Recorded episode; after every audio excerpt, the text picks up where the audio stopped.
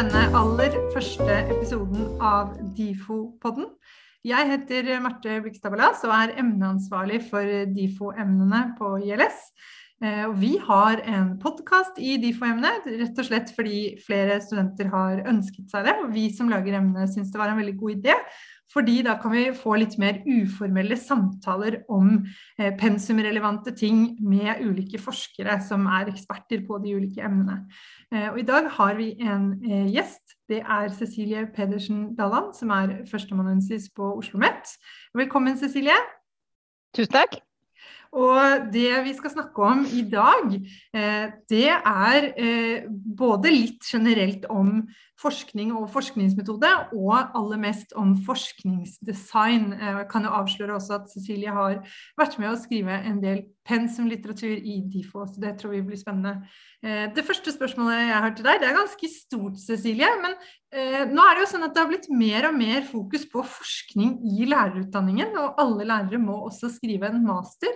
Men hvorfor må alle lærere kunne så mye forskningsmetode?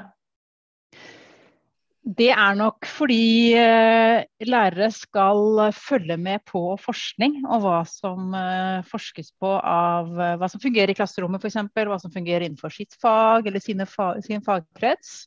Og For å kunne gjøre det, så må du kunne forstå litt forskning, og du må kunne lese liksom, forskningsrapporter og litt artikler og eh, forskningspensum og sånne ting. Um, så Derfor har det kommet inn på lærerutdanningen at lærerne skal, og de som utdanner seg til å bli lærere, skal bli også gode på forskning. Egen forskning og lese andres forskning. Så det er ikke bare fordi de trenger det i masteroppgaven? Nei, dette her er, eh, kall det livslang læring. Det kommer inn i masteroppgaven uh, som en del av uh, metoden, f.eks. Det å gjennomføre metode. En eller annen form for metode. Og så er det også det å forstå forskning, lese forskning, holde seg oppdatert. Altså Som lærer nå så må du holde deg oppdatert på feltet. Det er særs viktig.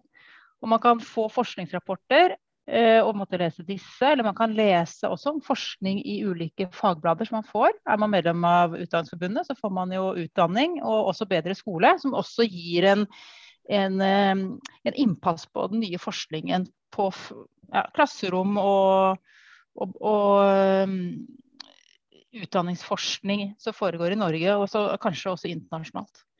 Ja, og Det du sier nå, det er ganske viktig. fordi et ganske vesentlig poeng med DIFO-emnene òg, er jo nettopp at vi vil selvfølgelig at eh, dere studenter som tar emnet, får masse informasjon om den metoden eller de metodene du skal bruke i din masteroppgave.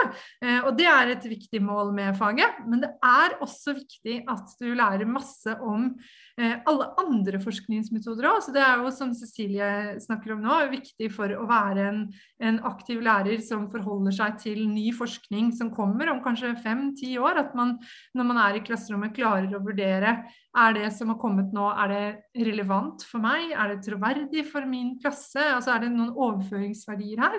Eh, eller er dette en studie som er gjort på en sånn måte at den ikke har direkte relevans for meg? For det vil det jo være noen ganger.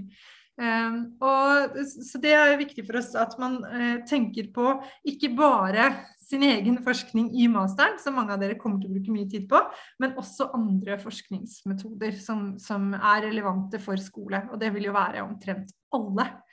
Eh, så er det jo sånn, Silje, at du og din kollega eh, Emilia Andersson Bakken har vært redaktører for en bok vi har på pensum, nemlig 'Metoder i klasseromsforskning', den grønne boka med en fin hund på forsiden.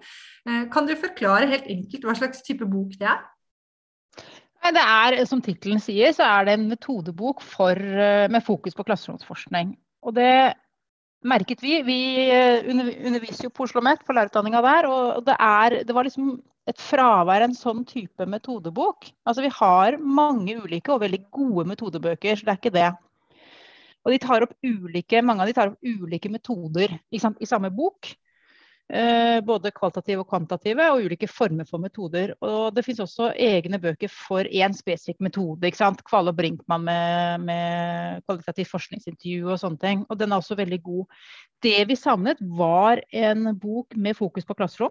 Altså klasse, hva som var mulig å gjøre i klasserom, forskningsmetoder i klasserom. Men også en praktisk retta bok. Altså det vil si en bok der metodene beskrives ut fra egne forskningsprosjekter eller egen forskning. Man viser hvordan man har gjennomført studiene i klasserom, og, eller analysert dataene sine. ikke sant?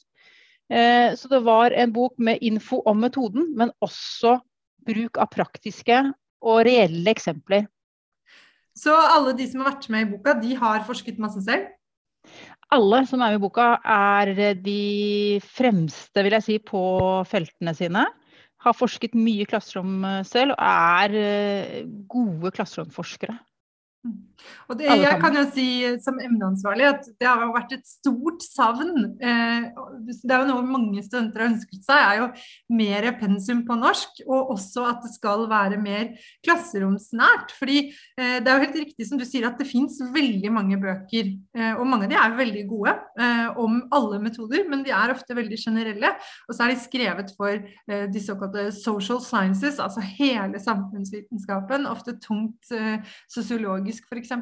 Eh, og det, det, kan være veldig relevant for noen av studentene våre, men ikke for alle. Og så blir det ofte litt vagt. Eh, så jeg er jo veldig glad for at vi har en bok nå med veldig oppdaterte, eh, oppdaterte referanser til norsk pågående forskning og, og, ny forskning. Og også, som du er inne på, at det er, at det er flinke folk da, som kan feltet sitt godt.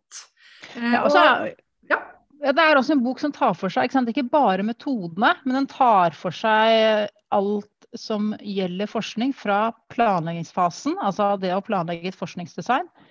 Hvordan du skal samle inn data, altså innsamlingsmetoder øh, og datakilder. Og også hvordan man kan analysere dataene. Hmm. Ha med seg hele prosessen. og Det, det syns jeg er et viktig grep. for dette der, ja, Og så sitter du med dataene dine og tenker du, ok, hva nå? Hva, hva, gjør jeg nå? Da kan du få eksempler og, og, tips på hvordan du kan gå inn i dataene dine og analysere disse.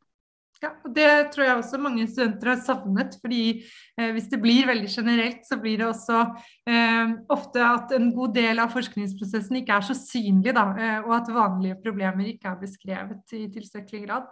Så det, det, håper vi jo at det er i større grad med det pensumet vi har nå, med, med bl.a. deres bok. Eh, og jeg og du har jo også et kapittel i denne boka sammen som handler om forskningsdesign. Eh, og kan du Cecilie, uten at du selvfølgelig du skal slippe å gjenta hele kapitlet, for det skal jo studentene lese, men eh, hvordan vil du forklare hva et forskningsdesign er for noe? Et forskningsdesign er eh, den overordnede planen for hele prosjektet ditt, altså hele forskningen din, hele mastergradsprosjektet ditt, det er et forskningsdesign. Og så er det noen som går i den fella og tror at det er en prosjektplan. Og vi har skilt på dette ganske tydelig i kapitlet. Hva er forskjellen på en, et forskningsdesign og en prosjektplan? Og så Kort fortalt så er på en måte prosjektplan eh, den, altså, Når du holder på med logistikk, da. Altså, da, altså hvilke datoer skal du gjøre hva? Eller hvilke, hvilke, måneder må du gjøre ting i for å bli ferdig. Det er gjøremålene dine. Det altså, er å ta kontakt med NSD. Alt det praktiske. Mens en prosjektplan det går mer på at, Et forskningsdesign? Nei, jeg mener et forskningsdesign. Beklager. Sorry, sorry. Her går jeg Det er ikke rart studentene blir forvirra. Nei da. Så... eh, et forskningsdesign går mer, er den overordnede planen hvor du på en måte viser at det er en sammenheng, eller tenker gjennom nøye hva du skal gjøre i forhold til hva er problemstillingen din, eventuelt forskningsspørsmål hvis du skal ha med det. Hva slags data trenger du for å besvare problemstillingen din? Hvordan skal dette gjennomføres? Altså Sånn type ting. da. Det går, det går på prosjektet ditt. Skrive ned. eh, hva det er du skal undersøke, hvordan du skal undersøke dette. Mm. Og jeg tror Et helt vesentlig aspekt her er at eh, du kan jo godt eh, på en måte konkretisere forskningsdesignet ditt også i en, en slags plan hvor det står noe om de praktiske sidene. Men eh, vårt poeng er jo at de praktiske sidene ikke er nok, og at man ofte undervurderer eh, alt det ikke-praktiske. Altså det rett og slett metodiske forarbeidet. Eh, kan du si litt om det? Fordi vi skiller jo mellom på en måte hva som skjer eh, i det vi har kalt preempirisk fase og empirisk empirisk fase. Kan du si kort noe om hva det handler om? Ja, altså Før du starter med hele datainnsamlingen din, så må du gjøre en del grep. da. Altså du må, For det første må du finne ut hva du har lyst til å undersøke det for. Altså Hva er interessant for meg, hva jeg har lyst til å undersøke noe om. Og det er jo viktig at det er noe du syns er interessant, faktisk. Det kan vi aldri understreke for mye. Altså Der skal du holde på med lenge. Det er en stor del av livet ditt for en periode, så det at det er interessant for deg, det er viktig. Og så må du begynne å lese det opp. Og det må vi også understreke at les deg opp på litteratur. Les deg opp på feltet. Du skal vite hva som er uh, gjort av undersøkelser og hvilke uh, artikler som har skrevet om det du er interessert i. Uh, og så må du prøve å formulere en problemstilling. Mm, og Det med problemstilling skal vi snakke ganske mye mer om. men gjøre, og, ja, og så må du og så må tenke ok, dette er jeg interessert i, hva slags metode jeg har lyst til å bruke, eller hvilke metoder hvis du skal bruke flere, vil jeg benytte for å på en måte altså, undersøke det jeg er interessert i. Og Det må du på en måte ha landa litt. for hvis veldig mange studenter kan gå ut og samle inn data for fort, for mm. raskt. Eh, de har ikke lest seg opp på metoden godt nok. De har heller ikke lest opp på feltet godt nok. og Det betyr at de kommer tilbake med data som ikke er så gode, og en metode som ikke er gjennomført på en sånn god måte heller. Og så sitter de og tenker at å nei, dette her gjorde jeg for raskt. Jeg skulle spurt om det og det og det og det. Det er jeg ikke spurt om. Og jeg burde jo ikke ha gjort det på den og den måten. Eh, og det er Derfor anbefaler vi at dere bruker tid på den førfasen, altså før du går ut i datainnsamling på å lese opp på teori, og også på å lese opp på metoden. Les deg mm. godt opp på den metoden eller de metodene du vil bruke, før du i det hele tatt går inn og samler data. Ja, Det er kjempeviktig. Også fordi at det er jo noe av det Dette kommer nok veilederne til alle sammen til å gjenta til det kjedsommelige, men noe av det verste som kan skje, er jo hvis man plutselig sitter der med masse data som det har vært tidkrevende å skaffe, men som faktisk ikke kan brukes helt til å svare på det du egentlig lurer på. Eh, og det du sa også med at det er viktig å lese seg opp tidlig på hva som er gjort før, det handler jo både om at det er viktig å finne din plass i feltet, men også at det er utrolig kjedelig de gangene man plutselig oppdager fire-fem måneder eller mer inn i prosjektet at noen gjorde omtrent det samme i fjor. Altså omtrent samme problemstilling, samme måte spissing av oppgaven.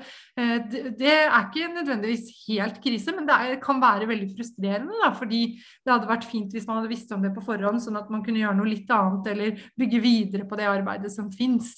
Eh, så en, en, vesentlig del av en masteroppgave er jo også å plassere seg selv i et felt, og da må du kunne det feltet relativt godt før du tar altfor ja, mange valg. Det er særs viktig, for du vil få en kommisjon som er kjent med det feltet du skriver innenfor. ikke sant? Og så driver du og sier at her er det ikke gjort noe forskning de siste ti årene, og så sitter du og tenker eh, det er det faktisk. Og det skal du ha kjennskap til. Mm. Så det er, det er, viktig å legge, legge tid og, og bruke tid på den førfasen som er på det å lese seg opp på metode og på teori og på feltet.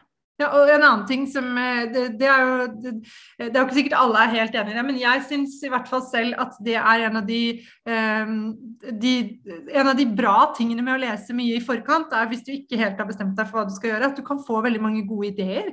Så du kan bli inspirert av måten andre, både andre forskere, men òg andre masterstudenter har løst ting på før, da. Hvis du leser på ditt felt. Så det kan være bra. Uh, vi har også det som kanskje er for alle det største spørsmålet av av, eh, de alle. Det handler om problemstillinger. Eh, fordi eh, i DIFO-emnet ber vi også om problemstillinger veldig tidlig. altså Vi starter med det helt i begynnelsen av emnet og, og pusher studentene litt på hvilket tema skal du forske på, og hva slags problemstillinger ser du for deg. Så Cecilie, hvordan er det man lager en problemstilling? Nei, jeg tror du skal begynne, Før du begynner å prøve å formulere en problemstilling, så skal du stille deg noen spørsmål. Eh, og så kan du besvare de. Og det går på for det første hva, altså hva vil du vite noe om? Og så besvarer du det. Og så stiller du deg spørsmålet hvem. Hvem vil du vite noe om? Og der burde det kanskje ikke være for mange på en gang. For det, det ser vi jo at en del masteroppgaver gjør. At de vil forske på, på en måte både hva foreldrene syns, hva elevene syns, hva lærerne syns, hva rektorene syns. Altså at det blir en sånn ball med litt for mange. Så det hvem-spørsmålet, der tenker jeg snarere enn å liste opp uh, altfor mange, så kanskje man kan tenke på hvem er du aller mest interessert i. Det er klart. Og, og det, det, å gjennomføre, Hvis man skal gjennomføre intervjuer f.eks., så, så er det noen som kommer med et hårete mål at de skal intervjue ti stykker. og sånn, og Det mener jeg er altfor mange. ikke sant? Så du må på en måte eh, komme fram til hva er et godt antall for deg, og hva er gjennomførbart. Ja, det kommer også, jo alltid an på. Sant? For, for noen, Hvis det er korte spørsmål du skal mm. stille, og du trenger mange, så kan det hende du kan klare eh, 20 stykker. Men hvis det er intervjuer som varer en time, og du skal transkribere alt og sånn, så er det, som du sier, eh, mye med tid, altså. Da kan det hende du skal ned i fem-seks. Og Da er det viktig å snakke med veiledere og, snakke, og, og drodle litt rundt hvor mange og, og, og hvorfor akkurat disse, selvfølgelig. Mm. Ikke sant? Hva er utvalgskriteriene. Eh, hvor, f.eks. Altså, hvor skal du intervjue la oss si, lærere? Skal de intervjues da på skolen? Skal du gå dit og intervjue de der, hvis det er mulig? Nå, I den situasjonen vi er i nå, er det jo litt spesielt, men ellers skal de slippe å på en måte eh, dra noe sted. Skal du gjøre det enklest mulig for de, da er det jo enklere at de stiller opp. Eh, og, og, og liksom, hvordan går også på hva slags metode altså Disse spørsmålene du stiller deg. altså Hva slags metode, hvordan vil du undersøke problemet? Eh, og når, f.eks. Ja, det kan både være når på året når du skal gjennomføre, men også kanskje mm, hva slags informanter du skal ha. Skal du ha elever, så må du også tenke gjennom uh, hvilke type elever skal du ha, hvor gamle skal de være. Sånn. Mm. Og hvorfor. Og hvorfor vil du undersøke akkurat dette. Og disse spørsmålene er det lurt å måte, skrive ned. Og når du har gjort det, så kan du begynne å tenke ut, begynne å liksom, drolle rundt en slags problemstilling. Og da er det en del ting vi, og tips vi har til selve formuleringen av problemstillingen. Mm. i kapitlet vårt. Ja, absolutt. Eh, og vi har også hatt eh, et sånt skille mellom, som jeg tenker vi kan komme inn på, som handler om dette med eh, at man kan ha problemstillinger som gjør litt ulike ting. og man kan f.eks. ha beskrivende problemstillinger da, som prøver å beskrive hvordan noe er. F.eks. hvordan opplever lærere noe nytt i læreplanen, f.eks. At man har noen konkrete områder der man vil forske på, noe tverrfaglighet f.eks. Eller hvordan man bruker, forholder seg til eh, folkehelse og livsmestring i norskfaget, eller at man har en sånn ting man vil prøve å finne ut eh, og beskrive, altså deskriptiv forskning, kartleggende forskning. Eh, det kan være kjempeviktig. Eller det kan være mer forklarende studier hvor man prøver å finne ut hvorfor, eller, hvorfor, noe skjer, eller beskrive mer detaljert hvordan det foregår. Og det, begge de tingene kan være veldig, veldig viktige. Ehm, et spørsmål jeg får veldig ofte fra studentene, er hvordan man vet at problemstillingen er god. Tør du å prøve å svare på det, Cecilie? Ja, jeg syns at uh, en problemstilling bør være oppdatert på feltet. Ikke sant? Altså det feltet du skal skrive innenfor, så bør den være litt oppdatert på det. Det betyr at du, du stiller ikke et, et sånt uh, en problemstilling som på en er forsket på mange ganger før, kanskje. Altså du, må, du må i hvert fall ta den litt videre. Og så bør den være interessant, i hvert fall for deg og dine og det feltet du er innenfor. Mm. Eh, og så bør den også være viktig. Eh, og det betyr Nei, den mest viktig for deg, selvfølgelig. At den skal være interessant for deg. Men også at den, altså jeg tenker at det å skrive en masteroppgave Nå er det veldig mange som begynner å gjøre det. Vi snakker om mastersyken f.eks. Det er mange masteroppgaver hvert år. Og det å gjøre denne oppgaven interessant og gjøre at du blir en slags ekspert på akkurat dette området, er også viktig i din videre yrkeskarriere. Du kommer på et intervju og så kan du liksom Ja, jeg har skrevet masteroppgave om dette. Dette er jeg veldig interessert i. Dette kan jeg mye om. Mine funn er sånn og sånn. Så kan du liksom bruke det slags som en brekkstang inn. Det er ekstremt mange som, som blir, uh, som blir måte, litt eksperter på, på, sitt felt som de begynte på på masteroppgaven sin. Ja, og Det er jo et veldig godt uh, utgangspunkt også, hvis man tenker at nå har du mulighet til å drive faglig fordypning på ett felt som du mm. syns er spennende og viktig, uh, og at man blir kjempegod på det. det. det. tror jeg også er absolutt å anbefale. Og vi har flere masterstudenter som har skrevet oppgaver med veldig høy didaktisk relevans, da, altså som har svart på ting feltet virkelig lurer på. Uh, og de har blitt brukt mye også senere til å snakke om masteren og blitt sitert mye, og det er jo veldig gøy. Så det er fullt mulig for masterstudenter å gjøre viktig forskningsarbeid. Helt klart. Og så er det det du også, altså Det som også bør unngås, da, er jo selvfølgelig dette er den klassiske altså Problemstillingen din skal ikke kunne besvares med ja og nei, f.eks. For... Er det slik at gutter dropper er det, er det slik at flere gutter dropper ut av videregående skole? Ja. Altså den, den, det, det, er definert som en litt dårlig og svak problemstilling. så Den bør ikke kunne besvares med ja eller nei. Eh, også litt sånn normative problemstillinger. ikke sant? Bør hva man med iPad i skolen? Ja, hva man bør gjøre. Um, og så litt ledende. Hvorfor er det slik at um, Det er eh, problemstillinger man bør unngå. Og også disse kausale problemstillingene som går på det at det er en årsakssammenheng. ikke sant? Og det er litt vanskelig å si noe om på et masternivå ofte. Det er vanskelig å på en måte gjennomføre en studie som kan faktisk si noe om årsakssammenhenger. Ja, jeg kan jo si, og det tror jeg du er enig i, Cecilie. Du får rope ut hvis ikke. Men til og med for oss er det ofte vanskelig å si sikkert at vi vet at det skjer, dette skjer, og dette skjer også, og det er pga. en tredje faktor. Sånn at hvis du f.eks. For forsker på et eh, klasserom hvor de skal gjøre noe veldig nytt og spennende, og så virker det som elevene har lært mer, f.eks., så er det veldig vanskelig både i en masteroppgave, men også i et større forskningsprosjekt å si at grunnen til at dette gikk så bra, er dette. Eh, så årsak-virkning-forhold er vanskelig eh, generelt på utdanningsfeltet. Eh, og hvis man virkelig skal få til det, så må man jo ha veldig mye større datasett. Så det er jo for de studentene som eventuelt er kobla på mye større prosjekter ofte. Hvis man skal være liksom metodisk streng, så vil jo et, et forskningsdesign som, som leverer på kausalitet, vil jo være et hvor du har både en pretest og en posttest, og kanskje også en, en såkalt kontrollgruppe, sånn at du vet eh, hva som har ført til hva. Det, det, men der ser vi også at det er veldig vanlig eh, at mange studenter foreslår kausale problemstillinger. Og det er fordi vi gjerne vil prøve å finne sammenhenger. Og i skolen og som lærer sånn i hverdagen, så er det jo helt vanlig at vi ser etter de sammenhengene hele tiden. Eh, så det er jo derfor kanskje det er så vanlig at man prøver seg med det. Um, så, men nå har vi snakket litt om, om disse problemstillingene. Uh, er det vanlig at man på en måte sitter der med ti problemstillinger og ikke vet helt hva man vil? Nei, det er vanlig, det vet jeg ikke. Jeg er jo superstreng med mine masterstudenter, så de har jo aldri ti problemstillinger. Men, uh, uh, men det, altså, hvis du går inn i boka, så har vi en sjekkliste for gode problemstillinger. Og det er litt sånn, er det tydelig hva du ønsker å finne ut av? For problemstillingen er en sånn pekepinn både for deg, altså den er viktig for deg hva du skal gjøre, men det er også viktig for den som leser masteroppgaven din om hvor denne masteroppgaven skal. Altså hva vil du med den? Og vi er jo veldig interessert i om du besvarer problemstillingen din på slutten også. For det er jo superviktig at du, du gjør. Sånn at den skal være tydelig hva du ønsker å finne ut av. Det skal ikke være noe sånt at vi lurer på hva mener du her. Altså den, den skal ikke være uklar.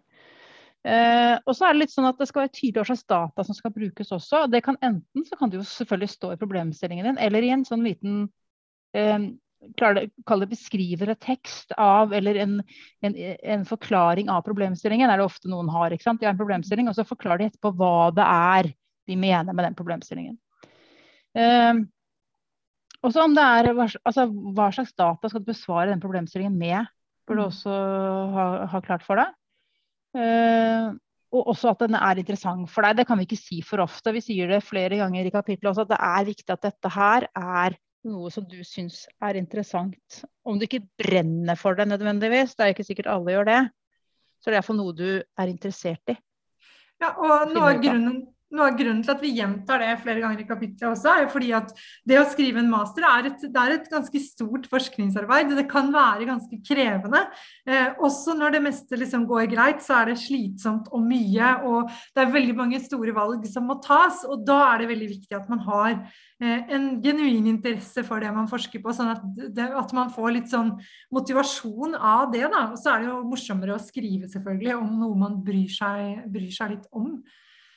Um, det, og det tenkte jeg også, Vi kan jo koble dette vi har snakket om nå med problemstilling til forskningsdesign. fordi Forskningsdesignet handler jo veldig mye om altså Hvis du skal vurdere et forskningsdesign, så handler det jo om hvorvidt det er samsvar altså mellom hvilke spørsmål man ønsker å belyse, og de dataene og de analysene som senere kobles på. Sånn at Eh, hvis man har et bra, eh, et bra, forskningsdesign, så vil det være en tydelig problemstilling, kanskje noen tydelige forskningsspørsmål. Det vil være data som er egnet til å svare på de samme spørsmålene. Og analysene vil også være sånn at de kan eh, belyse dataene på en god måte og skaffe svar på det man, man lurer på. Sånn at de dataene man har, faktisk er gyldige bevis, da, om dere vil, på det forskningsspørsmålet man har. Er det, og så er det et spørsmål som, som jeg også vet at mange eh, lurer på, og det handler om om man kan endre problemstillingen underveis. Altså om du kan justere den hvis du har skrevet den ned og kanskje levert den da i en sånn uh, prosjektbeskrivelse, eller veilederen har sagt ja, ja, dette er en god problemstilling. Uh, kan man endre den etterpå da? Ja. Ja. Uh, det, det, kommer an på. Altså, du kan alltid endre den. For meg så er en problemstilling alltid tentativ til du har levert oppgaven din. Da er den selvfølgelig skrevet i stein. Ja. Men, men, du kan ikke endre den. Altså, du, du kan endre og småflikke på en problemstilling. Men du kan jo ikke endre den for mye i forhold til når du har samlet inn data. Altså den, den, må jo på en måte omhandle det du undersøker. Mm. Eh, du, så du kan, ja, du kan endre den innenfor visse rammer. Man kan jo ikke totalt endre den. Altså Skal du vært ute og intervjuet lærere, så kan jo ikke problemstillingen gå på elevers opplevelse av noe. Så du må jo selvfølgelig, så er det innenfor rammene. Mm. Men den er alltid tentativ. Og den, den vil bli flikka på, og den vil bli kanskje liksom omformulert, spissa. Eh, og det kan jo også være at du har en problemstilling, og så går du ut og, og gjennomfører intervjuer f.eks., eller noen observasjoner, så ser du at OK, hmm, jeg er kanskje litt mer interessert i noe annet som faktisk trer fram her. Mm. Da er det ingen krise. Da kan du faktisk gjøre endringer til å favne, favne det. Ja, du kan spisse eh, Og spisse det mer mot mm. det. ikke sant? At uh, Hvis det trer fram noen ting som er kanskje mer interessante, så kan du tenke at ok, da må, da må, du gjøre en endring. Det betyr også at du kanskje må lese deg mer opp på noe annet, eller en, noen andre deler av, av feltet ditt, for å få fram det. Ja, og det, det, samme gjelder jo hvis det er deler av problemstillingen som viser seg å være veldig enkle å besvare, nærmest med et ja eller nei-perspektiv. eller altså sånn, Hvis det er deler av problemstillingen som, hvor det ikke er noe som helst spennende, og du tenker at dette trenger jeg nesten ikke å ha med, eh, så er det lov å ta det ut. Og eh, Jeg hadde med det spørsmålet også litt sånn ledende om kan man endre underveis. fordi eh, jeg tror mange blir overrasket over hvor vanlig det er å endre problemstilling også ganske sent. Men da snakker vi om små endringer. Så det er helt riktig det du sier, Cecilie. At man kan ikke altså du kan ikke, hvis, hvis du har gjort en spørreundersøkelse med 300 informanter, så kan du ikke plutselig ha et spørsmål i problemstillingen som krever kvalitative observasjoner, på en måte. Det går ikke. Men innenfor rimelighetens grenser, så, og med de dataene du har, så er det absolutt lov å spisse problemstillingen, sånn at den i enda større grad blir besvart. Eh, og det er ikke en del av masteroppgaven eh, hvor lenge har denne problemstillingen vært stabil, f.eks.? Altså, så jeg har hatt studenter som har endret problemstilling nærmest som det siste de har gjort før de har levert, fordi de ser at drøftingen helt til slutt faktisk svarer på et litt annet spørsmål enn det som står på side 1 og da, i problemstillingen. Og da er det selvfølgelig både lov og anbefalt å justere lite grann. Um, er klart, og, helt klart. Og det er viktig å vite om. For så kan du også tenke at la oss si du Nå er noe, noe dreven på vurderingspraksis, da, men la oss si du går ut og skal intervjue noen lærere i forhold til vurdering i skolen. Mm. Og du har fokus på formativ vurdering eh, gjort av læreren eller noe sånt. Og så ender det opp med at her bruker de mye f.eks.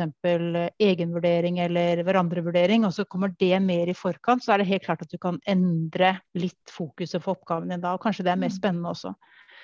Hvordan de tilrettelegger for, eh, for eh, ja, hverandrevurdering eller egenvurdering, eller begge deler for så vidt, i, i noen klasserom.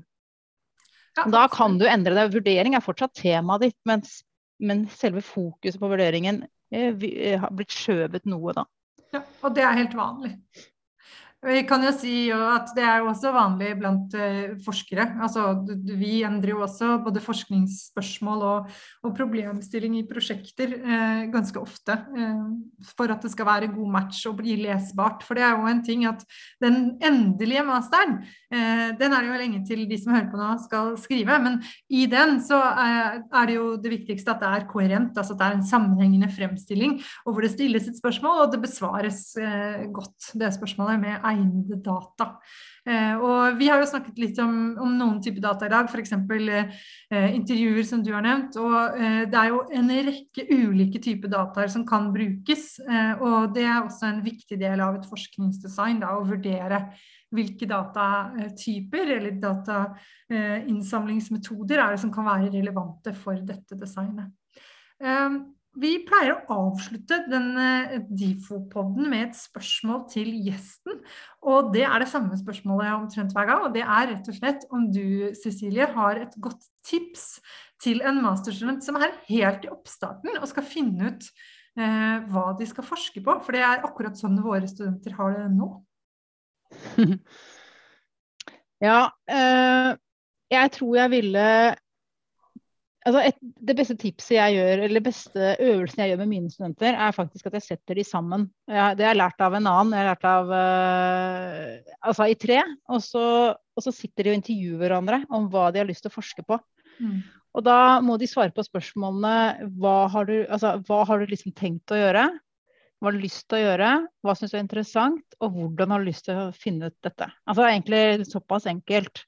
Uh, og da er det en som sitter og blir intervjuet av nummer to. Altså nummer tre skriver ned hva, som, hva den uh, svarer nummer én. Og så gjør de runden, så alle får blitt intervjua. Alle intervjuer, alle skriver ned. Og så kan du sitte og surre litt med det der som du har uh, fått, som er tankene dine nedskrevet på papir. Er det, er det, dette jeg vil? Er det det jeg har lyst til? Så kan du se litt rundt deg. Er det noe For jeg er veldig fan av sånn og kanskje se Er det noen prosjekter der jeg er student jeg kan kanskje bli med på? Mm. Um, er det, noe, er det noen uh, stu, altså er det noen sånne grupper jeg kan delta i? Er det noe data jeg kanskje kan bruke? Altså gjenbruke andres data? Eller kan jeg, kan jeg linke meg til noe sted? Ja, og Det vil jo være mange muligheter for, for våre studenter òg, fordi vi har sant? mange store pågående mm. prosjekter med både kvantitative og kvalitative data. Eh, så det er jo et kjempetips. Både det med å snakke om prosjektet sitt og prøve å finne ut er det dette jeg vil. Skjønner de andre det? For det er jo en fin ting med det du skisserer nå. Hvis man skal si det til noen andre og de skal ta notater, så får du jo en litt sånn reality check på om andre forstår hva du snakker om. Og da er det viktig at den som intervjuer, da du, Det her skjønte jeg ikke, kan du presisere? Uh, hvor, altså, man blir litt sånn uh, uh, Stiller kritiske spørsmål da, til den som skal prøve å fortelle om prosjektet. Og Da er det litt viktig å på en måte være klar for å gjennomføre oppgaven. Jeg tenker Man kan gjøre det i en kollokviegruppe også, bare for å liksom prøve å lande litt. For at med en gang man setter ord på det, så blir man litt sånn Ja, det er kanskje det jeg har lyst til. Og det er det jeg har lyst til å drive med. Um, og så er det, når du liksom kommer enda lenger, så er jeg veldig fan av å planlegge baklengs. Det betyr at du starter å lage en plan hvor du setter inn innleveringen. ikke sant? Når skal du levere denne masteroppgaven? Og så planlegger du baklengs. Da må du også ta med at du kan bli syk. For eksempel, Altså få en sånn forkjølelsesperiode eller noe influensa. Eller at du har med litt sånn raust med tid, slik at du, det er overkommelig det du skal gjøre. At du får levert på de fristene, eller klikka inn på de fristene du setter deg selv. For det er sånn når vi skriver at det er ikke alltid, det vet jeg og Marte veldig mye om, at når man setter seg ned og skal sånn, ja, nå skal vi skrive et kapittel, eller nå skal vi på en måte skrive en artikkel, så funker det ikke. ikke sant? Klarer, den dagen klarer vi ikke skrive. Da er det mye mer morsomt å vaske vinduer eller gjøre noe annet. Så du må på en måte ha litt sånn Du kan ikke vente for lenge, men du må ha noen sånne greier som gjør at du klarer å logge deg på. Og det beste da, og det er også et veldig godt tips, det er at du ikke skriver deg tom dagen før. Du stopper opp, og det er veldig vanskelig. Jeg, jeg klarer det ikke selv helt, men det er et veldig godt tips likevel. Du stopper opp slik at når du kommer dagen etterpå, så har du et sted å starte. Mm. Og du veit litt hva du skal skrive. Ja. ja da, liksom, da, da, vet du litt hva du skal skrive, og du klarer kanskje og, og når du begynner å skrive deg varm, så er det enklere å skrive. Men skriver du mm. helt tom dagen før, så er det litt vanskelig å ta opp tråden igjen. Eh, og også dette med å ikke lese for raskt det du har skrevet. Altså, hvis du har skrevet noe dagen før, så ikke begynn å lese det neste dag, for da er du så kritisk. Eh, vent, eh, vent noen dager før du leser det. Få mm. litt, sånn, litt avstand til det. eh, før du leser igjennom og er kritisk til deg selv. For da blir du så kritisk at du tar egentlig og omdirigerer og omrokerer på tekst som faktisk i utgangspunktet kanskje er god. Ja, og Det siste der kan vi jo egentlig oppsummere med et, et, tips som veldig mange forfattere, altså profesjonelle skjønnlitterære forfattere gir også, som er eh, at du må skille mellom skrivefase og redigeringsfase. Mm. Eh, at du, Når du skriver, så skriver du, og når du redigerer, så redigerer du. Eh, det er egentlig det vi skulle snakke om i dag, Silje. Så tusen takk for at du deltok i den aller første episoden av Difo-podden. Tusen takk for å få lov å være med. Det var kjempegøy. Så bra. Ha det godt. Ha det.